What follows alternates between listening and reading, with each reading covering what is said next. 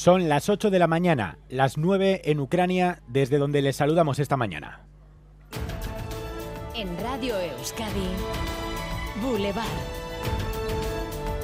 Con Xavier García Ramsten. Dobri Ranok, Egunon, muy buenos días desde Kiev. Hoy comienza el segundo año de guerra en Europa. Tal día como hoy, hace justo un año, esta ciudad, Kiev, estuvo a punto de ser tomada por las tropas rusas. Música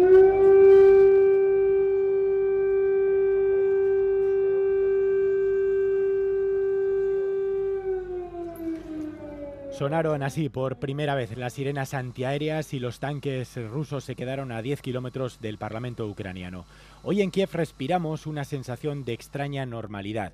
En los bares o cafeterías como esta la ciudadanía puede disfrutar de un café, la mayoría de los comercios están abiertos, pero también hay una sensación de que algo puede pasar. Los colegios han recomendado hoy dar clase desde casa.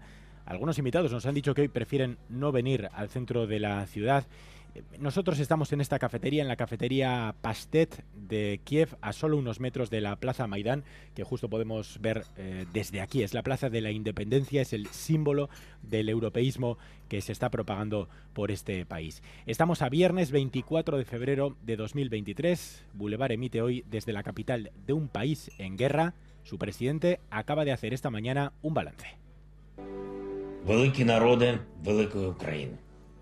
Рік тому у цей день, з цього ж місця, близько сьомої ранку я звернувся до вас з короткою заявою. Volodymyr Zelensky ha recordado una a una las localidades más afectadas en esta guerra y ha dicho que este ha sido un año de dolor y de tristeza.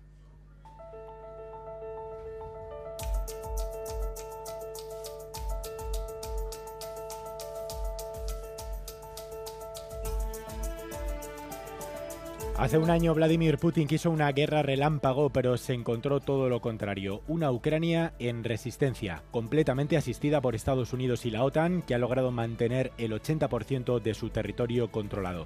En el camino, las demoledoras cifras, 7.100 civiles ucranianos muertos, unos 150.000 soldados ucranianos muertos, 200.000 soldados rusos muertos. Em, ese es el dolor, el drama. Eh, nuestro compañero Dani Álvarez, jefe informativos de Radio Euskadi, ha estado siguiendo el mismo camino que siguieron los tanques rusos que entraron por Chernóbil a Kiev y que estuvieron a punto de llegar a esta ciudad. Dani, Egunon, buenos días. Egunon Xavier, tres días después de aquel 24 de febrero, los tanques rusos avanzaban hacia aquí, hacia Kiev, con el ánimo de no dejar nada en pie. Irpin, Borodianka, Bucha Ahí iban casa por casa. Eh, llegaron a la de Tatiana y ella y sus padres decidieron irse porque les habían cortado el agua, el gas, la luz. Registraban los soldados rusos hasta el último baúl en busca de armas o de esvásticas. Eran civiles indefensos y cuando iban por el arcén a casa de la abuela sintieron un ruido. Tatiana vio cómo moría su madre de un disparo en la cabeza. Enseguida la escuchamos. Detrás de estas cifras hay personas que han visto el horror de la guerra con sus propios ojos, civiles que resistieron, que se enfrentaron a las tropas rusas como pudieron. Xavier Madariaga, tú estás en uno de esos escenarios. ¿Cuál es, Xavier? Sí, estamos ahora mismo en una trinchera, cavada en tierra y protegida por sacos terreros, neumáticos y mallas de camuflaje. Y esto es Kiev, capital europea. Fuera de la trinchera la vida sigue con normalidad. Estamos al norte de la ciudad, el distrito de Opolon. Los tanques rusos llegaban hace un año y de manera fulminante hasta aquí. En este aniversario conviene recordarlo. Enseguida lo hacemos con los vecinos de la zona. Gracias, Xavier. Eh, ahora mismo la guerra se libra sobre todo en dos frentes, al este y al sur del país. Enseguida nos lo van a contar nuestros compañeros desplazados, Miquel Ayestarán y Miquel Reparaz. También vamos a estar en la frontera entre Ucrania y Polonia con Anne Irazábal y vamos a conectar con el triple eje Bruselas-Nueva York-Pekín.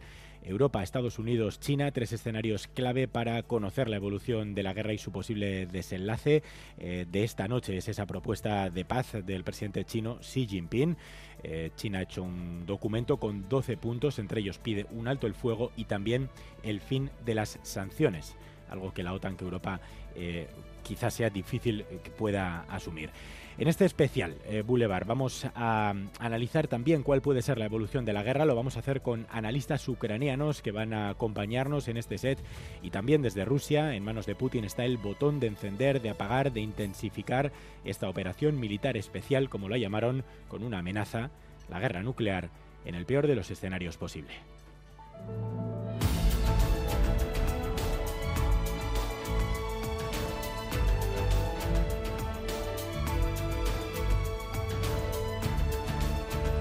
Hasta las 11 de la mañana, especial Boulevard desde Ucrania. Antes, otras noticias de este viernes 24 de febrero desde estudios. Iñaki Larrañaga, Egunon.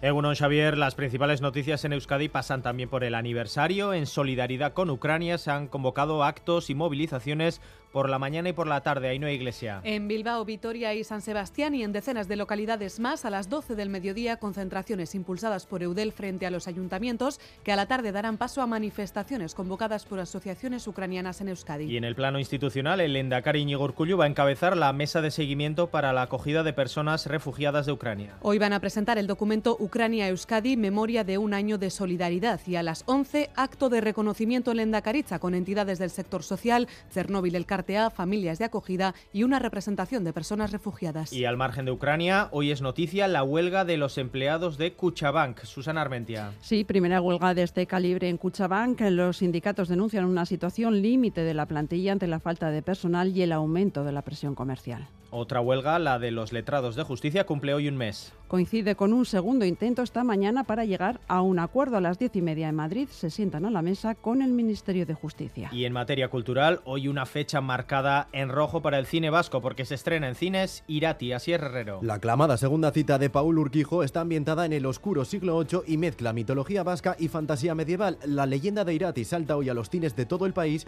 con Eneco Sagardoy y Edurne Azcanate en los papeles protagonistas. Boulevard.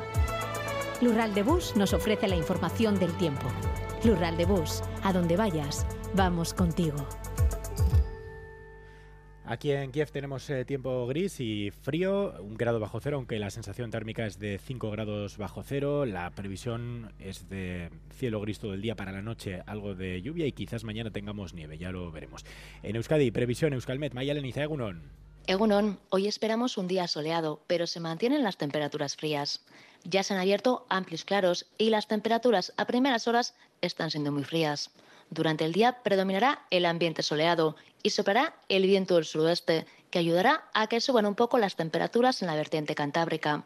Aquí las máximas alcanzarán los 10-12 grados. En el resto apenas variarán y se quedarán rondando los 6-7 grados. Luego, al anochecer, se volverán a dar heladas en varios puntos del interior. Es decir, hoy tendremos muchos ratos de sol, pero se mantiene el ambiente frío. Para el fin de semana tenemos que seguir destacando el frío.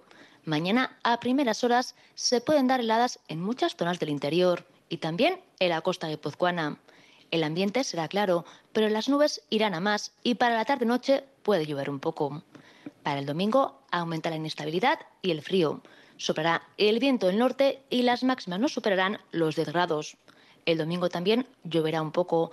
A medida que avance el día, la cota de nieve irá bajando y por la tarde-noche podemos ver nevar a cotas inferiores a los 500 metros, aunque la precipitación será escasa. En resumen, el frío será protagonista del fin de semana, especialmente el domingo. Hace frío también por allí, por Euskal Herria, Maider Martín, Egunon.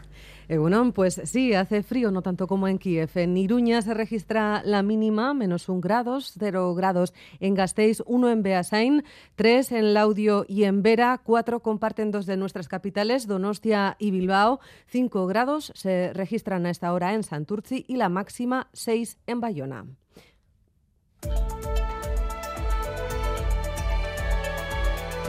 Boulevard El Departamento de Seguridad del Gobierno vasco nos da cuenta de dos incidencias a esta hora. La primera en la A124, en la Guardia sentido Logroño, donde un turismo obstaculiza la calzada. Y atención también en la A636, en Beasain, sentido Ordicia, dos turismos han colisionado, un accidente que se ha saldado sin ninguna persona herida.